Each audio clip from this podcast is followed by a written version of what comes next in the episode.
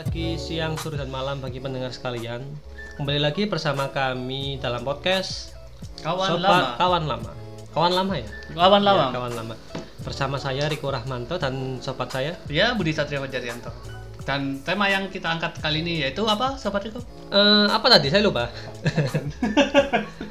ya, Bisa diulang mungkin Bang Budi? oke. Untuk tema yang kita angkat kali ini yaitu keabsurdan dan sisi gelap yang kita alami di semasa kuliah. Kan di sini kami berdua sudah mengalami perkuliahan yang cukup panjang. Saya belum lulus ya. Ya nggak apa-apa, itu tidak bukan hotline yang kita bahas, tapi yang kita bahas yaitu kita sudah mengalami kuliah, terutama untuk saya kan sudah lulus lah bisa dikatakan meskipun saya masih belum wisuda, tinggal menunggu wisuda, Hmm. Tapi kita akan membahasnya sisi absurd dan sisi gelapnya, oke? Iya, mungkin dari Bang Budi sendiri ada pengalaman nggak? Mungkin yang dari perkuliahan Bang Budi. Oke. Bang Budi sendiri kan dari kampus negeri ya, yang mungkin bergengsi, Ha-ha. terkenal Brawijaya. Waduh, itu alma maternya itu Amin, wow sekali. Amin, alhamdulillah. amin. Siapa yang nggak terkenal punya Brawijaya? Sekarang kira-kira bisa dijelaskan nggak? Ya, Anda mungkin pengalaman selama di Brawijaya, mungkin yang umum saja, jangan yang pengalaman yang sering eh, ya yang yang umum. Maksudnya jangan ke tek ke jurusan dulu, yang umum di, Oh, yang umum dulu. dirasakan di sana yang mungkin. saya rasakan Ya. dari awal kuliah yaitu Hmm. pertama ternyata di Brawijaya itu tidak hanya sekedar teori saja melainkan terdapat banyak praktikum di setiap mata kuliahnya. Contoh di mata kuliah ilmu tanah, Nah, ilmu tanah itu mata kuliah pertama. Contohnya, nah di mata kuliah ilmu tanah terdapat praktikum ya untuk untuk mempraktekkan apa yang sudah diteorikan saat waktu per- perkuliahan. Jadi yang yang pertama saya ketahui pas awal semester 1 itu ternyata bukan hanya teori saja melainkan terdapat praktikumnya juga. Itu anu Bang mungkin bisa diceritakan bukan yang di perkuliahannya ya, mungkin masyarakatnya, mahasiswanya seperti apa bisa digambarkan. Apa memang di sana itu wow, apa memang berjuwi semua, orang beruang semua. Kita kan penasaran. Oke oke oke. Bisa bahkan bisa dicap ya. Mungkin orang Brawijaya itu masyarakat masyarakat sendiri mindset. yang di pikiran mereka Brawijaya waktu itu keren. Oh. Orangnya pinter semua. Oh, Hmm. Oke ya. Kalau uangnya banyak. Oh, Ah, itu kira-kira apa memang seperti mindset orang-orang sendiri? Saya sendiri kan dari kampus swasta. Hmm. Abangnya sendiri kampus negeri. Bisa dibicarakan mungkin mesti digambarkan mungkin. Oh, kalau dari dilihat dari general ya, jadi bukan Umumnya. ya makanya da- dari umumnya kita berbicara umum dari yang saya ketahui Brawijaya itu sangat beragam-ragam mahasiswanya dari Sabang sampai Merauke berkumpul jadi satu di Brawijaya. Dari situ saya berkenalan dengan banyak sekali bukan jadi mengenal banyak dari teman-teman dari kota-kota lain lah bersatu jadi jadi satu di lebih mengenal. lebih mengenal. Jadi meskipun saya dari Pasuruan ya udah bertahun-tahun ternyata setelah saya kuliah itu ya pop culture-nya itu nggak jadi nggak nggak ya sekompleks yang saya alami bertahun-tahun di Pasuruan. Jadi agak beragam itu yang keren sih menurut saya. Jadi aku bisa mengenal ada teman-teman dari Surabaya teman-teman dari Medan teman-teman dari Lampung dari Bojonegoro dari dari Mojokerto Solo Wonogiri. Oh banyak sekali itu berse- itu itu pengalaman pengalaman pertama yang untuk adaptasinya itu ya cukup menurutku cukup luar biasa sih. Jadi kita berbeda lah. Jomplangnya itu agak lumayan berbeda jauh dari sepengalaman saya hidup bertahun-tahun di Pasuruan. Oh iya Bang, kira-kira mungkin ya kultur shocknya ada nggak? Kultur Iya, shock di sini kan mungkin saya gambarkan Abang sendiri dari kota Pasuruan Ah, ah. yang bisa disebut kota santri lah. kota santri oke Iya, kota santri orangnya eh, gimana ya? Ya, agamis dan religius sangat agamis religi- religius. oke oke oke kalau Nah, di sedangkan di, di Malang kota besar kota besar banyak mahasiswa dari luar kota dan luar pulau. Oke oke Otomatis kan semua budaya ke Malang. Kira-kira bagaimana cara abang menghadapi kultur shocknya? nah itu Ada kultur shock nggak? Ah, Atau cara pasti. cara beradaptasi dengan Oh, orang-orangnya pasti gimana? pasti as- pasti ada pasti berbeda Hmm. kalau gimana ya cara beradaptasinya dalam satu kelas itu saja ya aku dalam satu kelas itu sudah dari satu Indonesia itu ada semua guys bener-bener ada semua ada dari Mojokerto dari Surabaya Medan kebanyakan Medan terus itu Madura ada Probolinggo Blitar Gresik wah itu itu adaptasinya sih aku agak kaget sih jujur, jujur saja Kaget maksudnya gimana, Bang? jadi kan biasanya kalau adaptasi kepada eh, teman-teman dari Pasuruan sendiri kan ya tinggal sapa aja ya Hmm. perkenalan seperti biasa kan sa- bahasanya kita sama JPK Jipiki. bangke oke oke lanjut lanjut ke, ke- kembali ke topik jadi seperti itulah. Yang pertama itu ya ternyata berbeda itu emang Hmm. kalau mengadaptasi adaptasi ya nggak bisa dibohongi sih memang agak sulit lah. Kalau menurut saya jadi aku biasanya gampang beradaptasi orangnya kalau di berada di Pasuruan. Seperti zamanku SMK itu semua di murid-murid satu kelasku itu hampir semuanya aku kenal tahu rumahnya bahkan pernah ngerjain bareng aku nyontek ke sana kemari aku jadi gampang lah kalau menurutku Tidur bareng pernah nggak? hmm, hmm. Cowok, cowok, saya cowok. Sama cowok. Nah, coba cewek pernah Ah, pernah. Nah, kan, kan, kan, kan, kamu memancing mas. Jadi, nah, Eh, kan- kan- kan gimana, gimana, itu, itu momen sih. Hmm. Jadi ya awal-awal jadi seperti itulah kalau kesahnya yang dapat saya sampaikan. Jadi beradaptasinya susah kan. Jadi kalau dari Pasuruan kan biasanya, hey, ya apa ya, ini apa ya? Hey yo, what's up Yo, what's up yo? What's up? What are you doing? gitu. Karena Itu anak Jakarta Selatan itu, Mas. Jackson, Jackson. Anak Jaksel itu. Nah, kita sebagai Asuran gimana kira-kira? Ya, Aku kita, kita nyapa nih ya. Belum, Assalamualaikum. iya, iya, iya. Bener, bener, bener. Isi Mas. Aku aku aku lanjutkan ya. Hmm. Di sini jujur saja kan seperti ya apalagi saya introvert atau pemalu ya. Jadi aku diam saja melihat mereka yang begitu aktif, Oh, begitu interaktif terus dia yang kulihat wow itu pinter-pinter sih ju- jujur saja aku Pinter dalam artian apa, Bang? dalam akademis. Akademis. Akademisnya Oh, itu ya. wow gila gila sih sumpah. Tapi kalau dalam itunya ya dalam beradaptasi bertemannya itu jujur saja awal-awal agak susah saya. hmm. Seperti ya yang saya katakan tadi ya kan berbeda meskipun sesama di Pulau Jawa ya kan? Sa- sesama di Pulau Jawa kan Malang masih berada di Pulau Jawa tapi kan seluruh masyarakat di Indonesia kan tentunya berada di situ.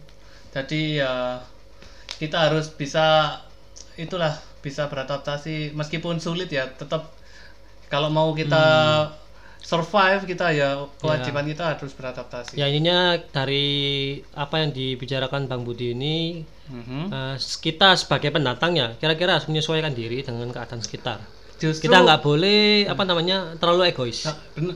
Justru yang pendatang itu mereka kan kita sudah dari Pulau Jawa kan Medan beda pulau. Tapi kan beda Tapi beda ya, ya, kota. ya kita ya benar. otomatis kan sama-sama Sesa- perantau. sesa- sesama perantau, sesama adaptasi kita harus jaga saling ego kita ya Hmm. menurunkan ego. Oh iya, Bang. Tetap kepala dingin. Anu bentar, sorry motong ya. Kira-kira kesan pertama, tahun pertama langsung ke Malang itu gimana? Gambarannya, penggambaran Malang pertama gimana? Kalau masalah kuliah ke Malang sih aku nggak. Penggambaran kota Malang dulu Kira-kira yang di mindset. Oh di mindset. Jangan ke kampus dulu. Nah, kalau dari mindsetku Malang Hmm. itu dingin, Malang Malang itu banyak kota wisata. Ya, ceweknya boy-boy. Oh, bangke, itu Iya. bonus itu bonus. Ceweknya cakep-cakep.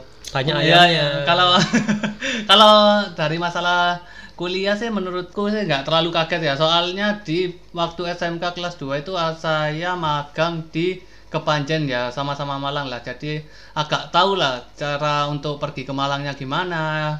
Terus Oh, cara terkait untuk akomodasi ya. Ah, terkait transportasi ya. dan Hmm. itu untuk bagaimana dari Pasuruan ke Malangnya udah udah berpengalaman selama dua bulan lebih lah aku itu magang di Kepanjen ya Hmm. itu masih merupakan kabupaten dari Malang Hmm.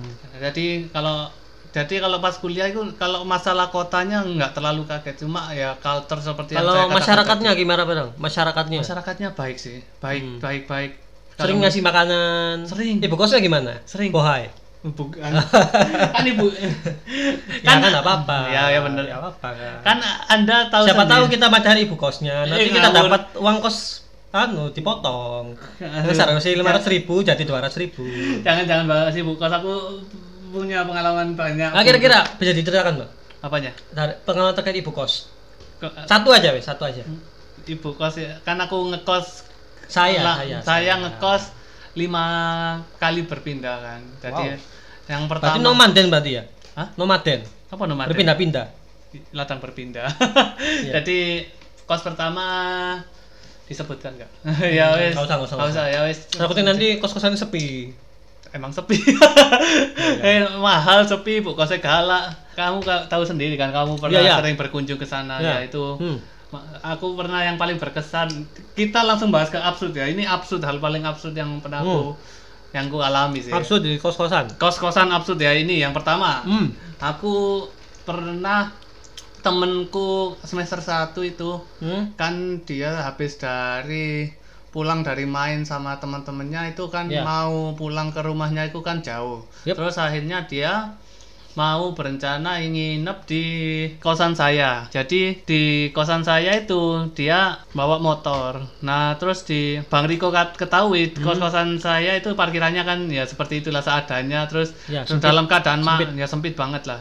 Dalam keadaan malam itu kan itu udah full dari anak-anak kos sendiri terus ada temanku mau itu akhirnya kan karena itunya full di tempat parkirnya full akhirnya temanku naruh sepeda motornya itu di luar di luar kos-kosan nah ternyata paginya itu langsung diprotes Protes Pagi- maksudnya gimana? Protes gimana? karena naruh motor di rumah itu katanya di di luar rumah itu yang yang protes itu malah tetangganya ibu kosnya karena Hmm. bilangnya itu tempat parkirnya dia lah te- ya tempat parkirnya te- tetangga dia itu nggak terima kalau Hmm. ada motor yang ditaruh itu Oh, mungkin mengganggu aktivitas warga, mungkin mungkin. yang pertama ya bener ya bukan bukan mengganggu sih apa ya lebih ke apa mungkin peraturan daerah situ mungkin ya. Kita juga nggak tahu. ya kita juga nggak tahu lah ya jadi Hmm.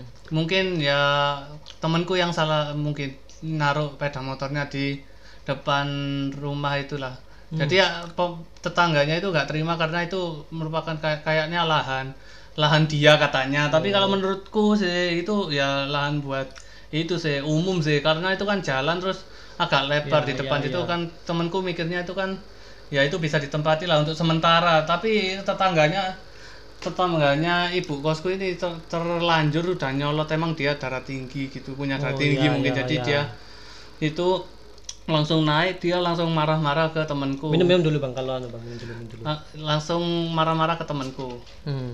Bentar. Ya jadinya intinya ya mungkin kita sebagai anak perantau ya mungkin kalau nggak tahu peraturan daerah situ tahu diri lah tahu diri. Nah. Tapi jika nggak, saya juga nggak menyalahkan sih dari cerai Bang Budi ini ya mungkin miskomunikasi dari kita nggak tahu sebagai perantau dan juga nggak diberitahu sama orang sekitar. Tapi Ah. Begini. lebih baiknya kita ya benar-benar menghormatilah gitu. tapi gini Hmm. ah, yang bisa saya ikut lagi Hmm. katakan lagi temanku ini anak Malang juga tapi ya kebetulan rumahnya itu agak jauh akhirnya dia numpang ke kosku katanya dia anak Malang itu kan dia otomatis tahu kan peraturan-peraturan larang Yap, benar. nah itu katanya temanku itu harusnya kalau cuma ditaruh di depan rumah itu nggak terlalu masalah hanya saja Hmm. ya tetangga kosku ini yang terlalu nyolot dan terlalu kebawa emosi terlebih dahulu gak Hmm. nggak bis terkad udah terlanjur tidak bisa untuk diajak diskusi Tapi sampai ya. berantem nggak, Bang? sampai Oh, ya so, eh, bla bla bla bla gitu menang, menang. ya akhirnya temanku memutuskan untuk mengalah dan pulang langsung nggak Oh, iya. nggak melanjutkan Ya. itulah nggak melanjutkan perdebatan jadi mengalah itu bukan berarti kalah. mengalah bukan berarti kalah betul Cuman cuman cuman kurang belum waktunya menang aja. Kira-kira di Malang ya ada nggak pengalaman absurd mungkin sing itu satu sing- tadi sing ya mungkin enggak mungkin yang terkait mahasiswanya di kampus. Mungkin ada hal-hal sih mungkin jarang diketahui orang. Kalau itu kan terkait peraturan, maksudnya pengalaman aneh dari teman-teman abang kan pasti banyak orang pasti kan pernah dengar cerita mungkin ada yang diceritakan mungkin pengalaman aneh oh ya dari teman-teman abang mungkin. ya? Iya, sing paling aneh mungkin paling aneh ya Hmm. Nanti gantian saya yang cerita nanti. Oh ya. Jadi kita langsung kita kulik semester 1 dulu dari dari semester 1 ke semester 2. Semester 2 ini yang paling absurd itu dari saya sendiri sih. Iya. Saya absurd sih dulu. Kan awal-awal semester 1, semester 2 itu kan saya masih belum membawa kendaraan pribadi atau motor. Mm-mm. Nah, itu otomatis kan kalau kan nah ini akan saya jelaskan sedikit di kampus saya ini kan seperti yang saya katakan tadi kan banyak praktikum dan praktikumnya itu selalu bepergian ke kabupaten-kabupaten itu jaraknya kan cukup jauh. Bisa dari kan dari kota Malang dari kampus ke ke lokasi praktikum itu apalagi kalau udah apa field trip. Field trip itu jadi kita praktikum di di luar lokasi kampus lah. Itu memakan waktu yang cukup cukup panjang lah. Jadi harus otomatis pakai motor. Itu aku kan masih belum tahu motor kan. Jadi aku aku langsung deg-degan sih pas langsung dibagi kelompok jadi yang cowok-cowok itu bawa motor terus yang cewek itu berboncengan sama yang Oh, cowok, cowok, soalnya ya. ya itu Ya. nah itu absurdnya itu eh, langsung saya di dipinjemi motornya ada motor cewek dan otomatis aku bonceng cewek itu dong Terus absurdnya dari mana? Kan normal. Cowok cewek. maksudnya saya tidak bisa nyetater motornya dan diketawain banyak satu kelas. Itu absurd sih. Menurutku. Ya terserah. Itu itu bukan absurd itu cringe. Nah, Sakit sama sekali. saja. Itu sakit sih. Itu kalau kalian mau ne- nertawain saya ya terserah. Nggak apa-apa. Itu kalau kalian mau tahu dari hal hal absurd ya itu. Tapi sekarang alhamdulillah sudah lanjai Ya, lah naik ya, motor. ya. itu semester 2 sekarang gantian Mas Riko dulu Oke. dari semester 1 Oke, sekarang cerita ke saya mungkin ya. Hmm. Saya sendiri dari Universitas Yudharta Pasuruan. Betul. Saya kuliah di Pasuruan sama bekerja sebenarnya. Oh, mantap Tapi untuk pengalaman kuliah sih nggak cukup banyak. Cuma saya banyak mendengar dari Maaf, teman-teman saya saya. potong dulu ya. Iya, iya. Kalau menurut Mas Riko sendiri apa itu yang dimaksud absurd? Definisi absurd itu apa sih menurut Mas Riko sendiri? Absurd ya. Kalau saya absurd itu pengalaman yang aneh. Kalau bedanya sama weirds, Berarti itu ya aneh sama. Sama. Tapi absurd itu lebih ke gimana ya? Anehnya itu lebih abstrak. oh abstrak. Kalau weird kan kayak gini, Hmm, hmm, hmm. Bang Budi Hmm. eh, gimana ya? Melakukan hal-hal aneh. Ya. Tapi itu kan atas dorongan sendiri, dorongan pribadi. Dorongan pribadi. Dengan ya. kesadaran. Dengan kesadaran Berarti kan penuh. itu di, di- di- bisa dikatakan absurd. Aneh. Oh, aneh, weirds. weird. Oh, yes. Kalau absurd, Bang Budi itu tanpa So- so, tanpa tanpa disadari, tanpa disadari, tanpa, tanpa kesadaran penuh. Tiba-tiba tiba-tiba hal aneh itu muncul. Oh, berarti saya benar tadi cerita. Itu absurd berarti yang saya Ya, ceritakan. tadi. dijadikan absurd. Oh, Ya, Oke, ya. I see. Lanjut. pengalaman absurd saya sendiri itu apa ya? pelan-pelan. Ya yang paling ngena itu pernah Apa? pas saya semester 4 Langsung semester 4 Iya, ya? semester 4 satu itu nggak ada ya? Empat, enggak, 4 dulu. Oh, 4 dulu. oke. Langsung 4 ya. Ah, Semester 1 saya anu jarang masuk kuliah. Hmm, enggak- Iya, anu, tugas terus. Ya enggak apa-apa lah. Ya enggak apa-apa. Nah, Oke, jadi Di semester 4 ini saya pernah ke rumah dosen. Mm-mm. Kan saya nganter tugas ke rumah dosen. Oh, Pasuruan. Pasuruan. Iya di Pasuruan dong. Di Pasuruan. Dia itu berhubung rumahnya dekat kampus. Saya ke rumahnya. Lah, Lalu saya lupa eh, saya nggak kontak dulu orangnya, tiba-tiba langsung ke sana. Datang. Langsung datang. Dan dosennya itu kan biasanya dosennya kan ke kampus pakai kerudung, Mhm. rapi, Heeh. make up, rapi wis kok cantik wis. Lah pas ke sana nggak pakai kerudung, pakai daster, gendong ah, gendong bayi nih. Gendong bayinya ya? Gendong bayi. Ini siapa ini? "Eh, mas mau ngumpulin tugas ya? Iya bu siapa ya? Duh nggak kenal saya? Iya mbak kenal ya. Cukup. Berarti saya tuh, ini kok beda ini? Siapa ini? Nah, itu baru absurd sih. Iya. Benar-benar Hmm. itu absurd. Apalagi yang Dan ya sebenarnya ini ceritanya agak gimana ya? Mhm. Mungkin saya nggak nyebut, nggak nyebut apa? Usah nyebut Sebenarnya ini pengalaman dari sahabat saya. Oh ya. Sahabat saya ini punya temen, Mhm. ya. Temennya itu punya pacar lah. Oh iya. Pacarnya itu cantik, Cantik banget. ya cantik banget. Oh iya, mantap. Ya, pacarnya aneh banget. Tapi selama menjalani Kuliah apa ini bukan menjalani eh, hubungan nih, Hubungan. dia merasa nggak insecure banget. insecure terhadap Iya, pasangannya. terhadap pasangannya. Soalnya dia sering diancam sama apa nama ini gebetannya. Oh gitu. Meskipun posisinya udah punya pacar. Udah punya pacar tapi punya gebetan ya? Bukan, maksudnya gini, dia udah punya pacar, Aha. tapi yang di belakang itu banyak yang mau Oh. nikung pacare. Oh, oh, oh, oh, oh. Nah, Oh, lah oh. berhubung pacare ini, Pacare. iya sahabatnya teman saya. Oh my god. Berarti bisa dikatakan dua-dua ini sahabatnya. Oh my god. Iya. Wadaw. Lah ceritanya gini, Kok rumit? dia itu pernah suatu ketika dia putus. Suatu ketika dia putus Iya, sama soalnya pacarnya. gini, kalau menurut tuturan teman saya Mhm. dari sudut pandang si cowok, Mhm.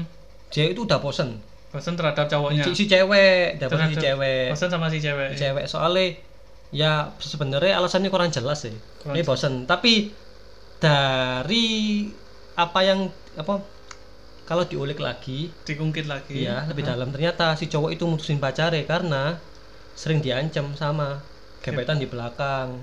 Oh. Kadang diancam gini, diancam Oh, gini. langsung ngancam si ke- cewek itu ke cowoknya saya ya? saya saya akui si cewek body goals banget. Body- Udah cantik, Oh gitu. body goals, Wah, anjir. terus pinter. Intinya ibarat bunga perfect desa, ya? ibarat bunga desa lah. Perfect ya? Iya, ibarat piala champion Oh, piala- diperebutkan. Nah, itu setiap apa namanya setiap saat itu pacari selalu diancam, diteror, di blackmail itu. sama gebetan-gebetannya itu ya. Mm-mm. Waduh, Iya. langsung ya.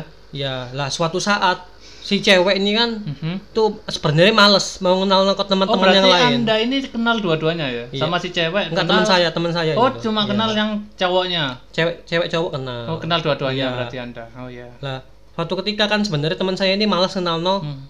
teman cewek ini ke teman yang lain. Soalnya Takutnya pasti minta kontak. Oh, langsung. Kan wegah, males kan.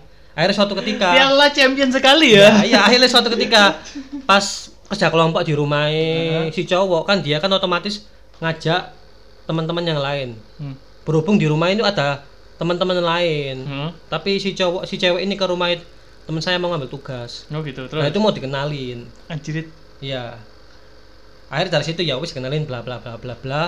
Lah suatu ketika dia itu cara nggak langsung teman saya si cowok ini mergoki teman-teman cowok ini melakukan pelecehan.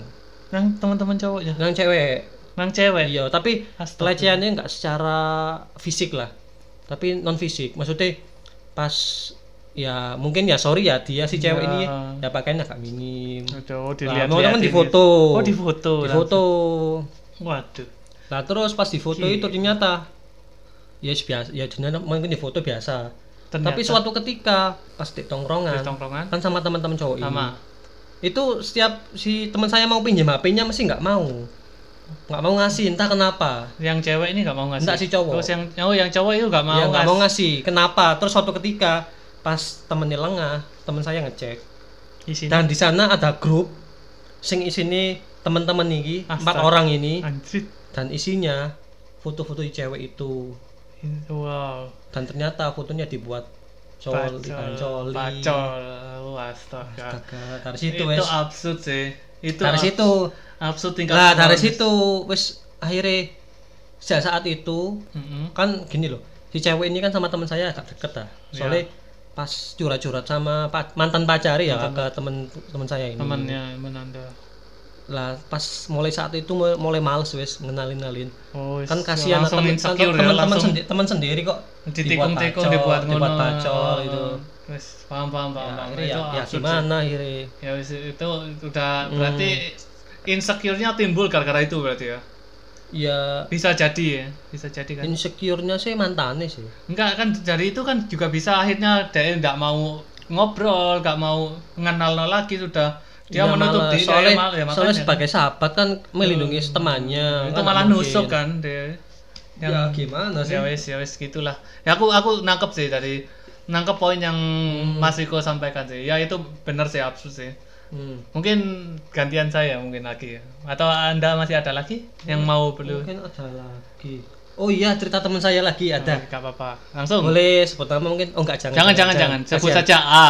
Mungkin si Mas Mas A Mas dengan A. Mbak Mawar gitu. Mas A dengan Bang Mbak Mawar Mawar oke? ya sebenarnya Mas A ini kan dia kan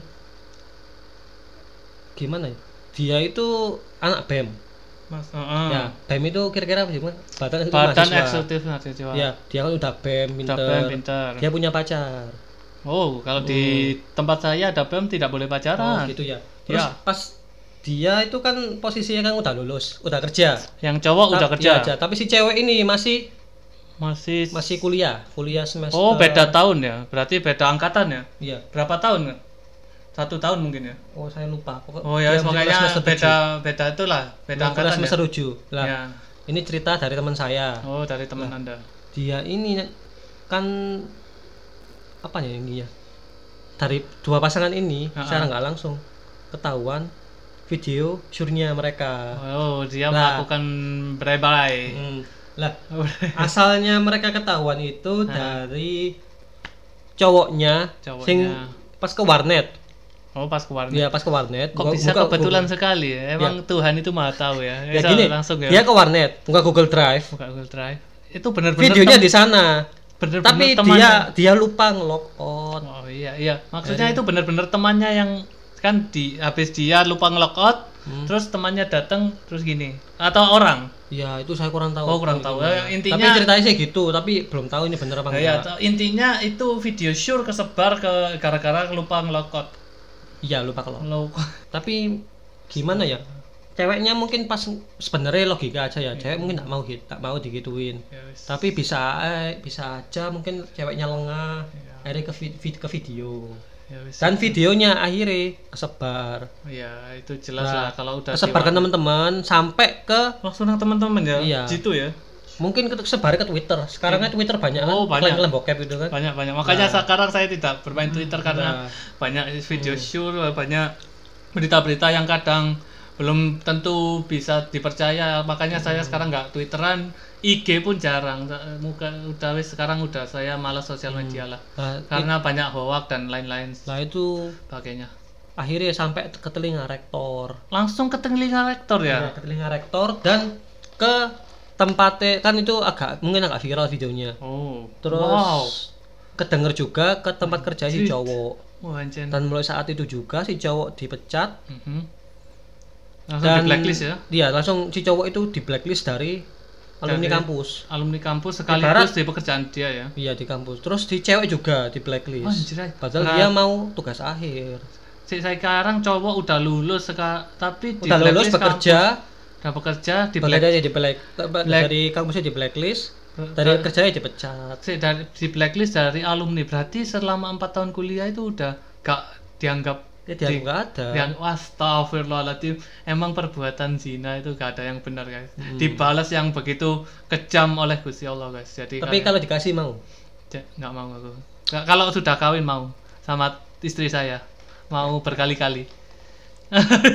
Jujur saja aku ya kan sebagai cowok kan punya lah nafsu tapi ya Hmm. kita bagaimana cara kita menahan nafsu itu sebelum menikah Hmm. setelah kita menikah baru kita lampiaskan pada istri kita. Itu yang benar seperti itu sih. Kalau dari yang saya pelajari dari Mas Riko gimana? Tapi bener nggak sih menurut Bang Budi kira-kira cowok itu emang sangian lah cowok itu? Nafsu wajar. Kalau kita kan Nah, seperti yang sekarang, dikata sekarang sama, sama saya beritahu ke Malang. Kan Malang kan itu kan ya mungkin sorry ya mungkin ada seks bebas sorry te, sorry ya kira-kira mereka pacaran mungkin si cowok minta itu Ah. gimana atau gimana mungkin si cewek atau ya, be- ada saya tuntutan lain saya bukan bukan membenarkan ya untuk Hmm.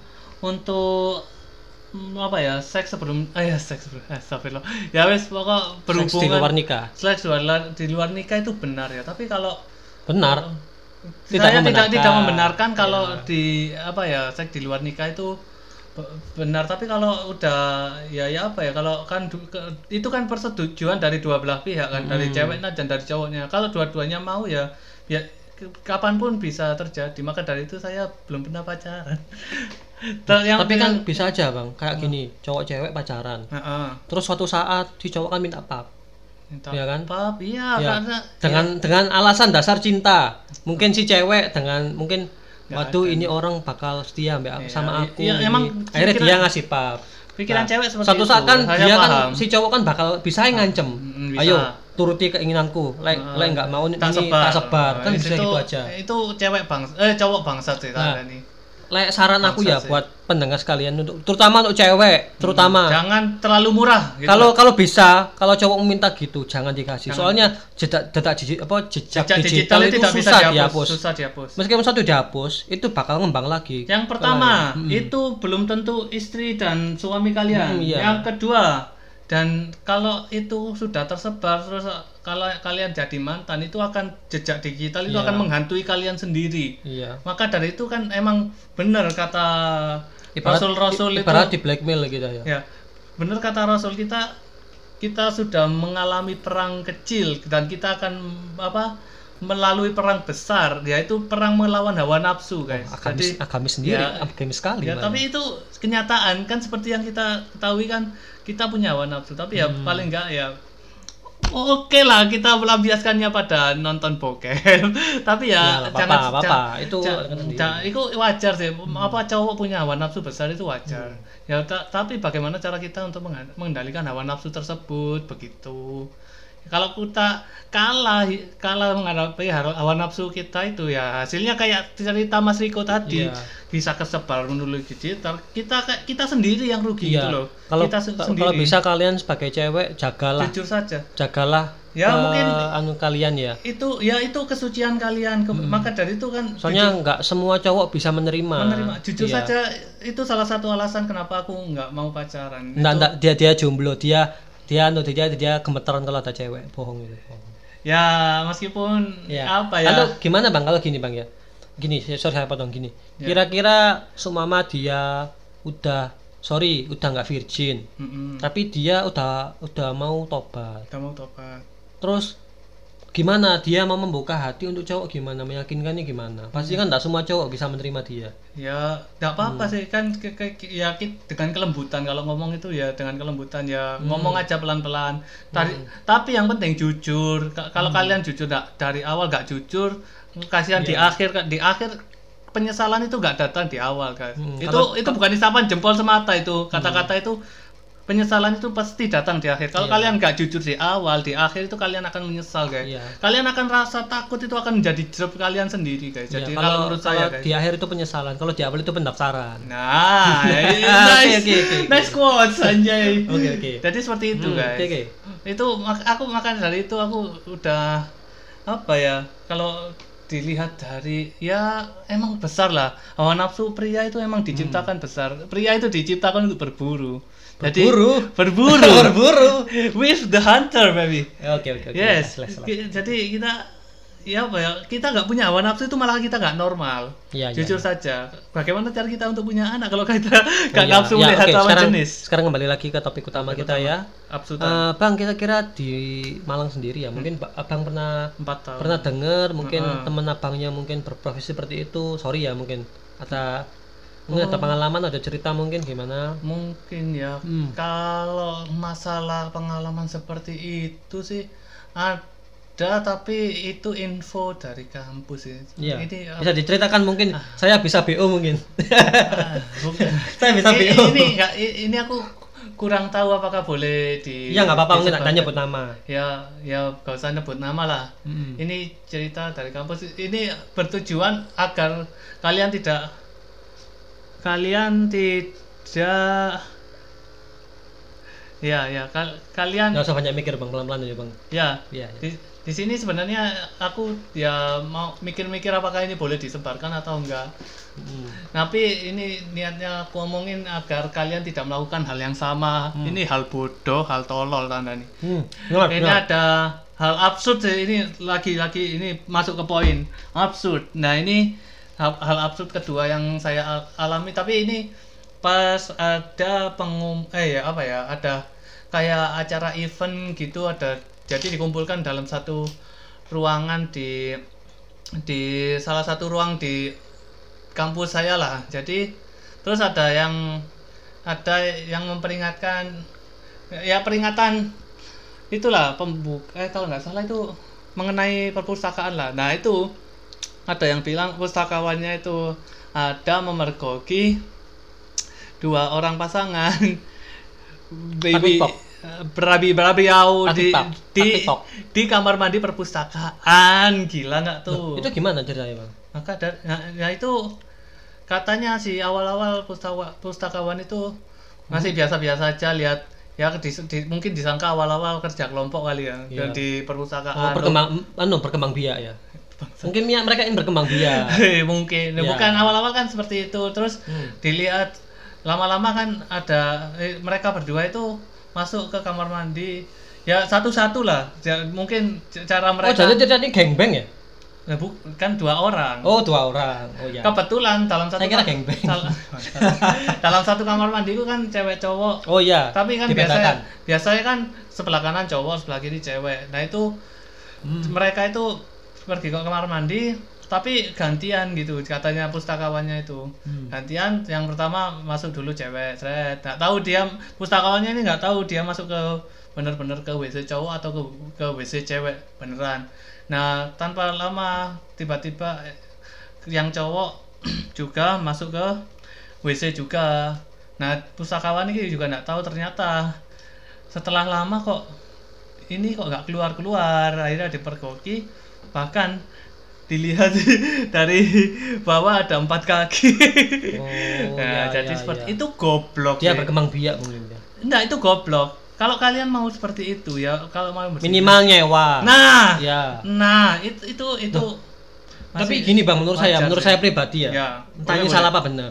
Kalau cowok kalian nafsu jangan dilampiaskan ke pacar kalian. Soalnya mereka dia itu belum tentu jodoh kalian. Nah, maka- belum- jaga. Kamu su- kalian itu sebagai laki-laki itu jaga. Nah, ya jangan, Jangan rusak. itulah maka dari Nah, itu. gini lebih baik kalau kalian sange. Coli aja. Wes ah, Udah. coli. Itu sama-sama puas. Sama-sama puas. Dosa tanggung sendiri. Jangan Ya.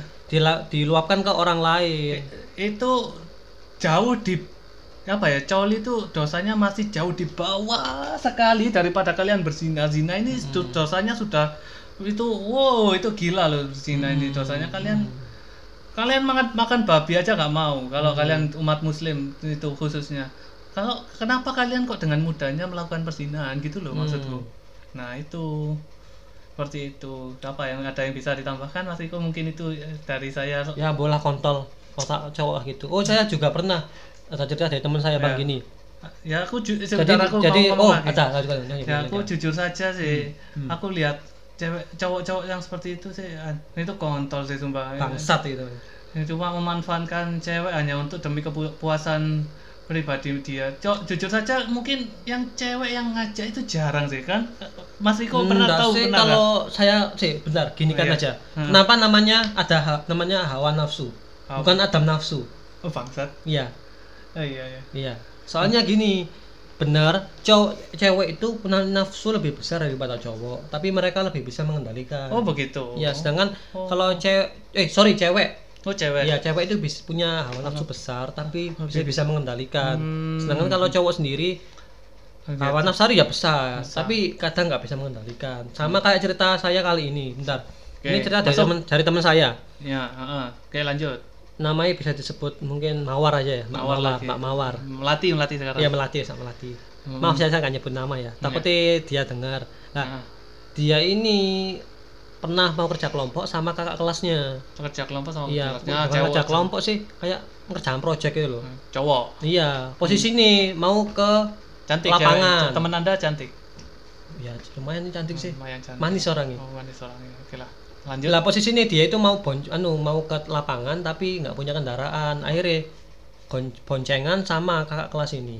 Kak kelasnya oh Iya. terus Lah posisi di jalan itu hujan dan mau maghrib. mau oh Akhirnya mau nggak mau dan si cowok sendiri itu Menang. kebelet kebelet Kencing. kebelet kencing mungkin kebelet kencing, Oh, kebelet ya kencing. mau ke kamar mandi Heeh. akhirnya tempat yang paling deket di situ kos kosan nih oh, oh. akhirnya si cewek dibawa ke kosan Oh, nih terus dia bilang tunggu dulu di sini ya aku mau sholat dulu sama kencing dan setelah itu si cewek nunggu lah nunggu Nunggu kan. 10 menit 15 menit nggak keluar keluar akhirnya mungkin dia ketiduran akhirnya ketiduran. Oh ketiduran si cewek? Hmm, ketiduran. Nah, Nah, terus itu pas setelah itu si bangun si cowok ini wis saya gak nyebut nama si si cowok lah. Hmm, cowok. Nah si cowok ini tiba-tiba kayak mau grepe si cewek ini loh. Dia si cewek, si cewek bangun-bangun tiba-tiba kok oh, digrepe sama cowok ada terus- rasa-rasa gitu. iya terus si, si cowok bilang wes sudah pelan-pelan aja gitu. Oh bangsa. Gak usah gak usah bilang-bilang aman kok di sini.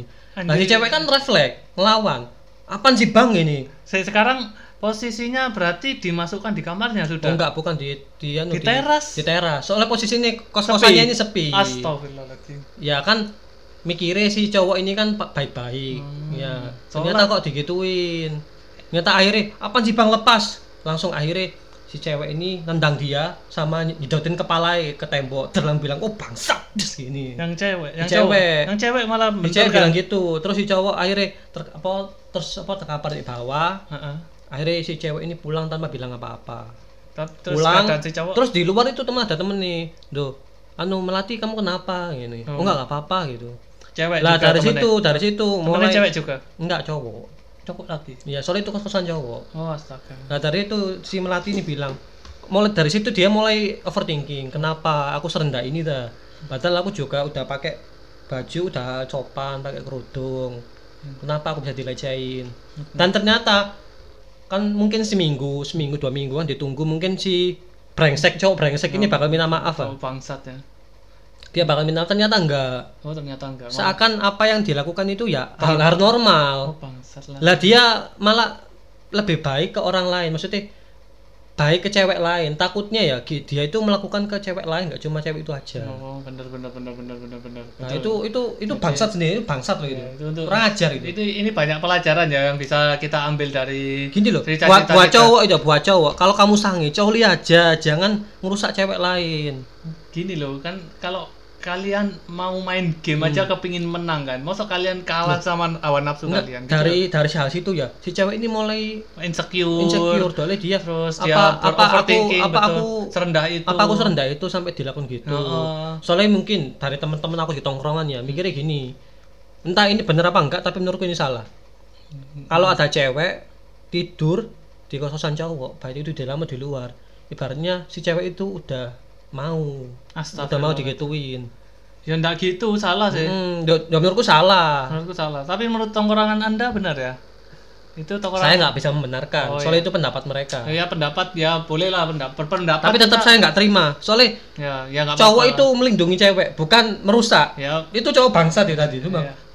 Gini, gini loh jadi oh bangsat ya. Emosi saya ceritanya emosi ya, ya? ya emang begitu sih. Ya jujur saja seperti dari cerita-cerita yang tadi itu maka dari itu ya jujur saja saya juga punya gebetan. Ya Mas Riko pun juga tahu gebetan saya siapa. Hmm, ya benar. Nah itu kenapa sampai sekarang nggak saya pacarin? Ya saya dia sudah- takut. Sud- ya pertama aku takut tidak diterima. Yang, kedua, yang, ke- yang kedua aku sudah tahu konsekuensinya itu.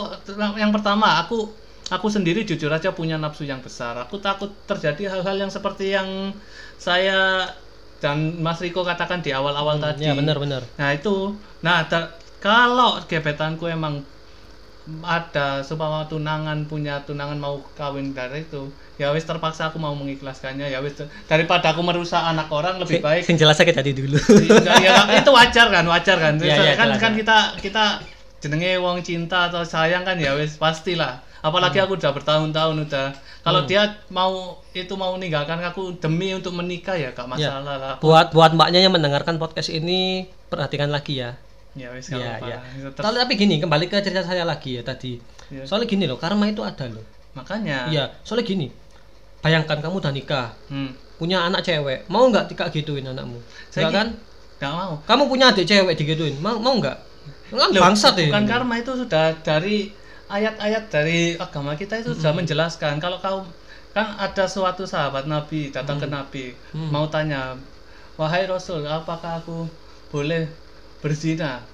Sekarang seperti ini Lang- langsung Rasul pun menjawab apakah kamu mau ibumu dicabuli oleh orang? Gak mau Rasul. Akhirnya balik saudara saudara itu balik lagi apakah aku boleh berzina lagi? Sekarang apakah kamu mau saudara perempuanmu disinai oleh orang nggak mau Rasul jadi seperti itu udah dari ayat itu kan sudah dijelaskan dunia ini seperti cermin. Ta- timbal balik apa yang kau lakukan apa yang kamu tanam kau akan raih Iya. di kemudian hari Ya kalau Dan- bisa itu kalian ya jagalah, jagalah. jagalah Iya. sahabat kalian semua si cewek. Ya, Hmm. si, si, si cewek itu ya kita tahu itu kan dia ya lemah lah daripada kita para cowok kan di- dia cuma bisa pasrah apalagi ya dia cuma punya perawan satu. Terus kalau Hmm. kalian rusak terus kan dia bagaimana keadaan ke depannya kan Iya. kalian mau tanggung jawab atau tidak? Nggak mungkin kan? Nah itu loh cowok itu loh.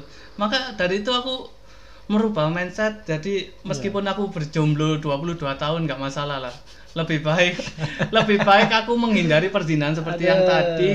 Jika memang si gebetanku ini mau bertunangan ya wis silahkan aku ikhlas. Sakit hati pasti ada pasti ada jelas jelas banget pasti ada tapi ya wis lebih baik itu dia menikah halal terus dia melakukan ya hubungan dengan halal daripada daripada aku Ya dari apa dah bang? Hah? Dari pak dari apa? daripada aku melakukan pacaran dan aku tahu sendiri punya hawa, hawa nafsu yang besar ya daripada ntar terjadi apa-apa ya mungkin aku ya meskipun aku punya rencana jika memang aku punya pekerjaan jika punya Uang rezeki lebih, uang rezeki, lebih atau rezeki bakal melamar. bakal ya, Ya. maunya seperti itu langsung aja ya bisa langsung diseriusi kalau aku punya Ya. nah untuk sementara ini kan aku masih belum ada pekerjaan belum belum ada rezeki belum Mantep. apa jadi aku masih belum berani untuk Ya. melakukan hubungan Ya. apa pun terhadap Kalau pasangan. punya rezeki lebih kayak video klip akad. Teret tetet teteret teret. iya langsung Wah, mantap. langsung kalau Itu betapa ya. bahagianya itu Oke, mungkin bisa kita uraikan lagi. Mungkin pendapat kami berdua terkait perkuliahannya. Ya, benar, mungkin perkuliahan. yang pertama mungkin ya menjadi mahasiswa salah jurusan itu, itu, kali wajar. ya Kalian akan menemukan teman senasib di kelas kalian, Heeh. di semua jurusan, di semua kampus. Dan Heeh. pasti cuma tidak sedikit. Jadi ini bisa dikatakan kalau kita salah jurusan ya ya wajar aja sih. salah jurusan Iya, hal soalnya gini, wajar. ibarat orang memandang ilmu. Pertama dia sebelum memandang ilmu pasti tinggi orangnya. Yo, jelas Setelah mendalami ilmu itu dia merendah. Oh, sedang. sedang Dan setelah mengetahui ilmu itu seakan-akan dia itu seakan ya apa ya dia? ya, ya apa ya seperti itu Seakan kita mulai ah lah perasaan mulai salah jurusan itu mungkin muncul di muncul semester di- berapa? semester lima biasa Lima lah benar lima. Gini, gini, Ya, gini, gini, saya gini, gini. saya dulu Kan- sendiri ya. Gini, gini, akan, akan saya, saya luruskan. Gini, iya. kalau kalian jangan berpikir salah jurusan. Kalian se- sekarang bersyukurlah kalian bisa kuliah. Lihat teman-teman kalian yang nggak bisa kuliah itu. Meskipun kalian salah jurusan, syukuri aja, dalami aja ya. Meskipun terpaksa ya kalian sudah Hmm. Ya, berada nik- di nikmati aja. nikmati aja. Kalau kalian itu apa ya cuma mau salah jurusan terus tiba-tiba mau cabut dari kuliah udah nggak mau kuliah lagi itu bayangkan orang yang mau ingin ngambil jurusan itu berapa banyak berapa Iya. berapa ratus ribu apa kalian nggak mikir yang kalian udah masuk masuk salah satu dari Iya. Dari kuliah tersebut apa kalian nggak kasihan sama orang-orang yang nggak nggak Iya. terpilih dari dari sekian ratus Dan ribu nggak semua orang itu punya kesempatan itu dari sama. pengalaman saya sendiri loh Hmm. aku jujur saja dari multimedia SMK Iya. bersama Sakla sama Mas Riko Betul. sama gebetan saya jemput orang-orang Iya, nggak iya, pengen iya. denger. Bentar. Nek corona. Astagfirullahaladzim. Enggak, enggak, enggak, enggak. Enggak boleh, enggak boleh, enggak boleh, enggak boleh. Astagfirullah, astagfirullah. Jangan astagfirullah. jemput lelucon. Kita kita ya enggak boleh Iya. hujan nih. Kita kembali ke topik. Hmm. Jujur saja saya dari SMK Multimedia ke Fakultas Pertanian itu udah berlawanan arah. Udah berlawanan arah. Jadi kalau kalian ber- sudah terlanjur berlawanan arah dalam itu ya dalam sudah berlawanan arah dalam mengambil jurusan ya wes teruskan aja udah itu syukuri aja itu itu nikmati, bukan nikmati itu bukan aja. pilihan anda doang itu sudah pilihan dari yang kuasa memberikan Iya. itu ini loh ka- kamu dikasih Iya. ini oh, kau, kau bisa menjalankan oh, kalau Iya. kalian nggak bisa berarti yang diberikan Tuhan Iya. kalian tidak syukuri Seperti saya sendiri ya, saya itu orangnya benci matematika, benci fisika. Tapi sekarang ikut masuk teknik. oh bisa ya? Ya, kan teknik sipil juga. makanya Oke, oke. kita akan ke- Kalau mungkin fakta yang lain Ada- yang, yang ada, bisa iya. yang bisa Bang Budi sampaikan Yang mungkin di sini ada fakta kedua kan fakta pertama sudah disebutkan oleh Mas Riko. Di sini ada fakta kedua yaitu menjadi mahasiswa bebas itu bullshit. Iya, Jadi bullshit. harus Enggak. ada di yang dikerjakan mulai laporan tugas Oh, itu jelas. Jelas. Itu laporan pasti ada, tugas pasti ada. Kelompok ini ini ada hal absurd sih sebenarnya tapi kita Nah, apa? Kita perlu menjelaskan Iya, aja poin-poinnya aja. Soalnya hampir di waktunya sampai hampir hampir panjang nih waktunya. Iya, hampir ya. panjang udah 50 menit. Ini hampir di, di semua mata kuliah tidak bisa santai. Mungkin bisa santai sih itu bagi mereka yang tidak ingin lulus. Bukan bukan gitu. Bukan tidak ingin Oh iya, lulus. sebelumnya ini adalah rangkuman kita ya kira-kira Ya, poin-poin ya. dari kita. Kan kita ini- rangkum kembali dan kita buat Ya, bacaan. kan ini ini jujur saja kami membaca dari suatu artikel yang dibuat oleh ya oleh suatu Orang lah. ya, anonim, orang anonim. Kita nggak nyebut anonim. Karena muna- nama, nah ini pendapat dia. Tapi untuk pendapat saya sih, kalau laporan tugas kelompok itu sudah menjadi keseharian lah mahasiswa. Makanan pokok. Makanan pokok. Bukan berarti apa ya? Untuk yang lul- ingin lulus cepat, terus kita harus menggebu-gebu. Terus untuk yang tidak ingin tidak lulus cepat Iya. itu untuk santai-santai bukan gitu sih. Diulah saya. Tapi like, menurut saya meskipun kita sudah menggebu-gebu kalau beda jurusan terkadang juga meskipun Ya gimana ya kembali ke gimana orangnya ya, lagi kembali, sih. kembali ke orangnya. Kembali motivasi orangnya lagi. Ada temanku, co- contoh lagi temanku, Hmm. Iya. dia itu santai, dia terlihat tidur saja di kelas tapi dia punya otak yang cerdas. Dia ditanya Hmm. hei kamu yang tidur di sana? Tadi saya menjelaskan apa? Dia jawab loh. Itu jenius loh kalau menurutku. Jadi dia sambil sambil tidur ternyata mendengarkan. Itu jadi kalian jangan sampai mengunderestimate teman-teman kalian guys. Sumpah ini kejadian real yang saya alami selama empat tahun. Jangan pernah meng apa meremehkan siapa pun dalam kuliah guys. itu mungkin yang Itu- bisa sobat sobat pendengar kalian Nah, bisa iya. sampaikan mungkin. Sumpah, itu itu saklek sih dari saya sih jangan pernah Saklek itu apa? mutlak Jangan pakai istilah Jawa ya. Ini pendengarnya kan kan eh, medok bebas ya. medok saya Ya, betul- betul. mungkin yang fakta yang ketiga yang bisa saya sampaikan. ya boleh Hati-hati terhadap ajaran agama di sana. Karena ajaran agama di sana itu ter- terbilang keras. oh bener Maksudnya, hati-hati, jangan sampai dibujuk rayuan omong kosong mereka. Rata-rata orang yang menyebarkan ajaran agama yang keras itu menyerang mahasiswa labil dan belum punya pendirian. hmm. Nanti kalian bisa dimanfaatkan. Dalam artian gini, sekarang sekarang kan banyak ya di agama Islam sendiri banyak aliran Hmm. yang mungkin agak keras. Saya nggak nyebut nama, mungkin kalian bisa tahu sendiri. Mulai dari nggak kerudungan dianggap oh ya Musyrik. banyak banyak banyak banyak banyak di anu celana ditinggikan terus be- si jenggot dipanjangkan. berjabat tangan Nggak sama boleh. lawan jenis itu ada yang boleh ada yang Hmm, tidak ada ada yang gini-gini. Lalu sholat di masjid apa namanya golongan tertentu lah nih lantainya dipel. Oh, oh, Nah, ada. Hmm, itu aduh, hati-hati ya. Udah udah itu cuma tapi cuplikan. gini kembali lagi. Ya, ter- com. tergantung mereka sendiri. Begini, itu, begini, itu, itu begini. mereka pilihan mereka. Begini begini begini begini Hmm, kalau dari saya yang bisa saya sampaikan sih kalau ya memang dari emang kalau kita mahasiswa baru itu lebih baik kita berhati-hati terhadap apa pun terhadap siapa pun juga. Jadi jangan mudah kita percaya untuk pada orang lain dan jangan mudah kita terbawa oleh ajakan orang lain. Itu pertama untuk menjadi mahasiswa menurutku. Terus soalnya itu banyak ajakan-ajakan yang menggiurkan di awal tapi saat kita menjalaninya terasa kita nggak nyaman. Lebih baik kita netral-netral aja gak usah ikut apa pun. Kalau memang kita tidak mengerti dan tidak nyaman tidak, tidak tahu apa ya background dari apa yang kita ikuti itu lebih baik kita cari tahu dulu lah kalau kita mau ikut dari apa-apa itu. Atau kita cuma mau kita diajak gini Ki- kita bisa menolak oke nanti dulu lah.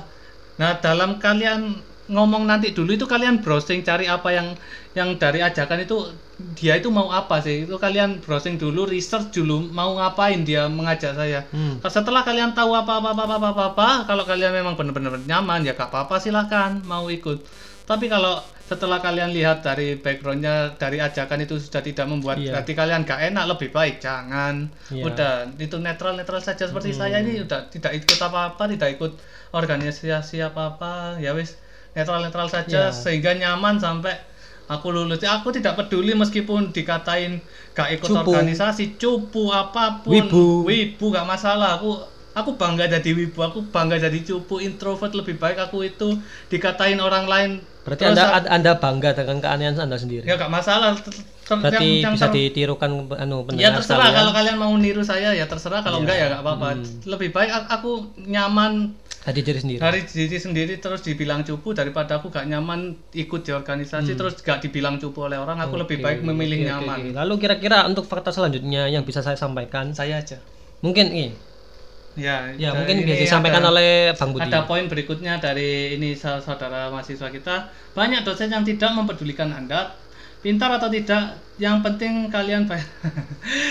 yang penting kalian bayar kuliah titik. Ini ini benar kalau saya di Oh, di kampus. Ayo, cerita, swasta bener. Coba Riko ya soalnya gini angkat bicara. ya sebenarnya nggak semua dosen banyak dosen yang peduli sama kita Mhm. contohnya saya sendiri di ini wis saya singkat aja ya Hmm. sebenarnya banyak dosen nggak semua sih itu peduli jika kita aktif namun jika kita pasif mungkin ya nggak dipedulikan sama dosen tapi ya nggak menutup kemungkinan benar juga ya di sini Ya benar sih. sekarang gini Ada. banyak banyak banyak or anu kampus yang membuat kuota mahasiswa sebanyak banyaknya Loop up. oh iya sorry sudah malam Ya. banyak mungkin kuota mahasiswa yang diambil Mhm. Lanjut untuk mendo- untuk mendukung mahasiswa kita. kampus itu sendiri jadi ya nggak saya nggak menurut kemungkinan Nah. juga benar juga sih Ya gimana ya? Pasti ada yang seperti ini pasti ada. Mm-mm. untuk apa sobat pendengar yang ya untuk dosen yang ka- terkadang bilang yang penting kalian masuk atau tidak yang penting uang kalian tetap masuk itu adalah prioritas kami itu pasti ada biasanya itu pasti ada dosen yang seperti itu Mm-mm. tapi ya alhamdulillah dari yang saya alami selama empat tahun itu cuma mungkin satu dua lah dari dari keseluruhan Iya. kebanyakan dosen yang ada itu alhamdulillah dosen yang kebanyakan itu benar-benar mengabdi untuk mahasiswanya jadi ada yang sampai mengabsen ada yang sampai ditelepon mahasiswanya kalau nggak Ya, datang Jadi kalian bersyukurlah bersyukur. jika menemukan dosen seperti dosen itu. seperti itu bersyukurlah Syukur-syukur saja tadi membimbing skripsi kalian. Aduh. Ya. Hmm. Jadi gini loh, kalau ada dosen yang galak terus ada Hmm. ada dosen yang tegas pada kalian itu kalian jangan jangan apa ya, jangan gak seneng gitu loh. Itu dia itu punya niat baik untuk Iya, untuk mempintarkan itu- kalian gitu itu loh. melatih oh, apa ya? Shock terapi ya. Shock mungkin. terapi. Iya, Mungkin biar jika untuk mental kalian kuat di tempat kerja. ya untuk untuk kalian yang mungkin sekolah mungkin yang mendengarkan ini di SMK SMP mungkin itu Iya. juga bisa guru kalian jika kalian uh, punya Iya. guru yang galak tegas itu kalian jangan pegel jangan apa itu Mang, dia anu, punya ya kesal sendiri Ya. ya, mungkin ya. kesal sendiri mungkin. ya enggak apa-apa sih kita juga Ya, punya manusiawi, rasa manusiawi, manusiawi. kita itu tapi ya jangan jangan sampai kalian ah iya guru gak enak iya gak masuk ya aku jangan begitu dia itu punya apa ya di- punya tanggung jawab untuk mendidik kalian gitu loh dari itu Hmm. guru itu punya tanggung jawab sendiri gitu loh Oh iya, oke. Sekarang yang terakhir mungkin saya bisa saya bacakan. oke dari Mas Iko Fakta yang terakhir, nah ini mungkin agak ya, rahasia umum ya. Nah, rahasia umum apa Ayam kampus itu ada. Pasti di kampus mana aja ada. ya ada Tapi yang jelas mereka itu menggambar, anu menggunakan identitas palsu, mengubah nama asli mereka, Ya, jelas lah itu apa mengubah akun medsos, tempat tinggal, Jelas. pos, kecuali foto. Jadi Oh, gini bang, ya ya gimana gimana gimana? Memang ayam kampus itu ada, ada. Tapi mereka itu membuat akun fake, buat gandeng mereka. ada tapi nggak kelihatan gitu loh. Hmm. Iya, jadi gini, mereka itu kebanyakan ya, sorry sorry ya, Sorry say. sorry to say ya, mereka itu kebanyakan anak yang broken home, oh iya. Ingin Oh. ingin apa perhatian. Mau saya dan potong? mereka boleh nggak? Oh iya. bisa lanjutkan dan dulu. mereka pakai cara yang gitu terutama di anu ya poinnya gaya hidup ya mungkin gaya hidup terutama di kota-kota besar Nah, sekarang saya lanjutkan. Nah, Eh. poinnya sudah disebutkan Riko. Hmm. Jadi untuk ayam kampus sendiri itu bukan hanya untuk hal negatif guys, untuk kok kalian ada itu- positifnya positifnya. apa Jadi kalian itu jangan apa ya, lah semama oh, ada teman kalian mungkin ayam kampus menjual diri mereka itu dia untuk makan loh guys biasanya guys. Jujur saja. ya tapi kan di, menemukan- dari lum- dari rumah kan ada dia ngasih ada yang enggak itu bener-bener dari broken home yang seperti yang anda katakan tadi itu ada dari broken home terus nggak dibiayai kuliah Hmm. dia terpaksa itu Menjual dirinya. menjual diri jadi kalian jangan jangan mempres jika Oh, kalian tahu jangan melebeli dia lah. Melebeli dia.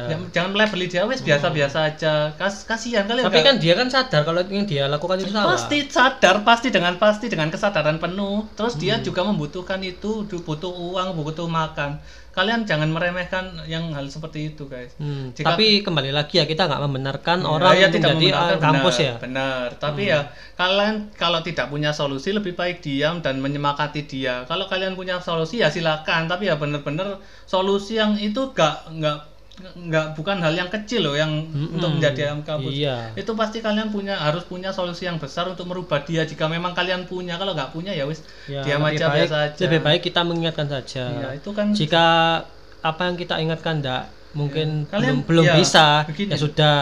Kalian bersyukur punya rezeki yang dicukupi. Hmm, punya orang tua yang orang lengkap. tua orang tua lengkap punya apa ya penghasilan yang cukup untuk melakukan kuliah untuk bisa makan setiap minggunya. Jadi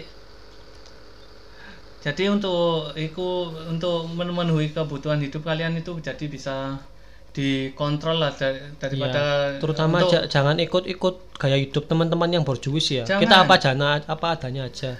Itu Hmm. kita itu apa ya terberatkan oleh gengsi biasanya. Iya. Gengsi. Sebenarnya gaya hidup itu murah, murah. Yang mahal itu apa? Gengsi. Gengsi. Gengsi aku loh teman-temanku Ja- eh Indonesia ya jangan Jawa. Saya jadi gini teman-temanku semuanya itu punya pacar. Semuanya all of it kecuali saya. 20, 22 tahun. Aku mengaku itu dan aku merasa kesakitan untuk itu. Jujur saja aku melihat mereka itu di sosmed bagi apa. pendengar yang ingin gebetan Bang Budi ada anu nanti saya lampirkan Oh, ya tak Instagramnya antemi, ya. tak antemi, tak Instagramnya antemi. ada di bio di bio ada di bio tak antemi tak jotos sih. oke oke mungkin Eh, itu mungkin mungkin kita- mungkin mungkin dari kami itulah Ya ini sisi sudah adsup yang bisa kami ya, sampaikan ini sudah satu jam. kalau jadi- bisa jauh sisi negatif jadilah orang yang positif di lingkungan kalian ya jangan jadi orang bangsat. semua akan berguna bagi kalian syukur-syukur saja bisa nambah portofolio CV mungkin Betul. Dari aktivitas yang lebih bermanfaat terutama ya. buat cowok-cowok lah jangan jadi orang bangsat Iya. jangan jadi apa ya cuma cuma untuk demi kepuasan kalian pribadi ya jangan menodai oh, Iya. itulah anak orang lah bayangin kalau anak kalian digituin Oh, apa apa ya mungkin itu? itulah yang bisa Ya, kami sampaikan berdua lah sampaikan lah mungkin udah Udah hampir satu satu jam jam, lebih. Jadi mungkin cukup Eh, sekian yang dapat saya, kami sampaikan. di podcast sekian podcast anu Ya, sekian podcast sekian eh, podcast kawan lama ini. kawan lama ini yang jika ada kritik kritik dan saran kami akan lampirkan di bio ya. Ya di bio. Kalau untuk ada ke depannya mungkin kalau ada teman-teman yang mendengarkan ada pertanyaan mungkin bisa kirim email ke kami atau di Instagram kami. Nanti kami akan sampaikan ke, podcast, podcast kawan lama kawan nanti lama. kami akan bacakan pertanyaannya yang make sense Ya, tidak semua sih ya Ya. jangan jangan tanya-tanya yang aneh-aneh ya aneh-aneh pasti nggak jawab Iya. pasti blok langsung blok suen oke mungkin sekian dari kami yang dari bisa kami sampaikan. saya sampaikan. terima kasih kami eh, ber- berdua pamit. Pamit. sampai jumpa di Podcast episode selanjutnya. selanjutnya untuk saya Budi Satya Wajaryanto pamit saya Riko Rahmanto pamit wassalamualaikum Warahmatullahi wabarakatuh dadah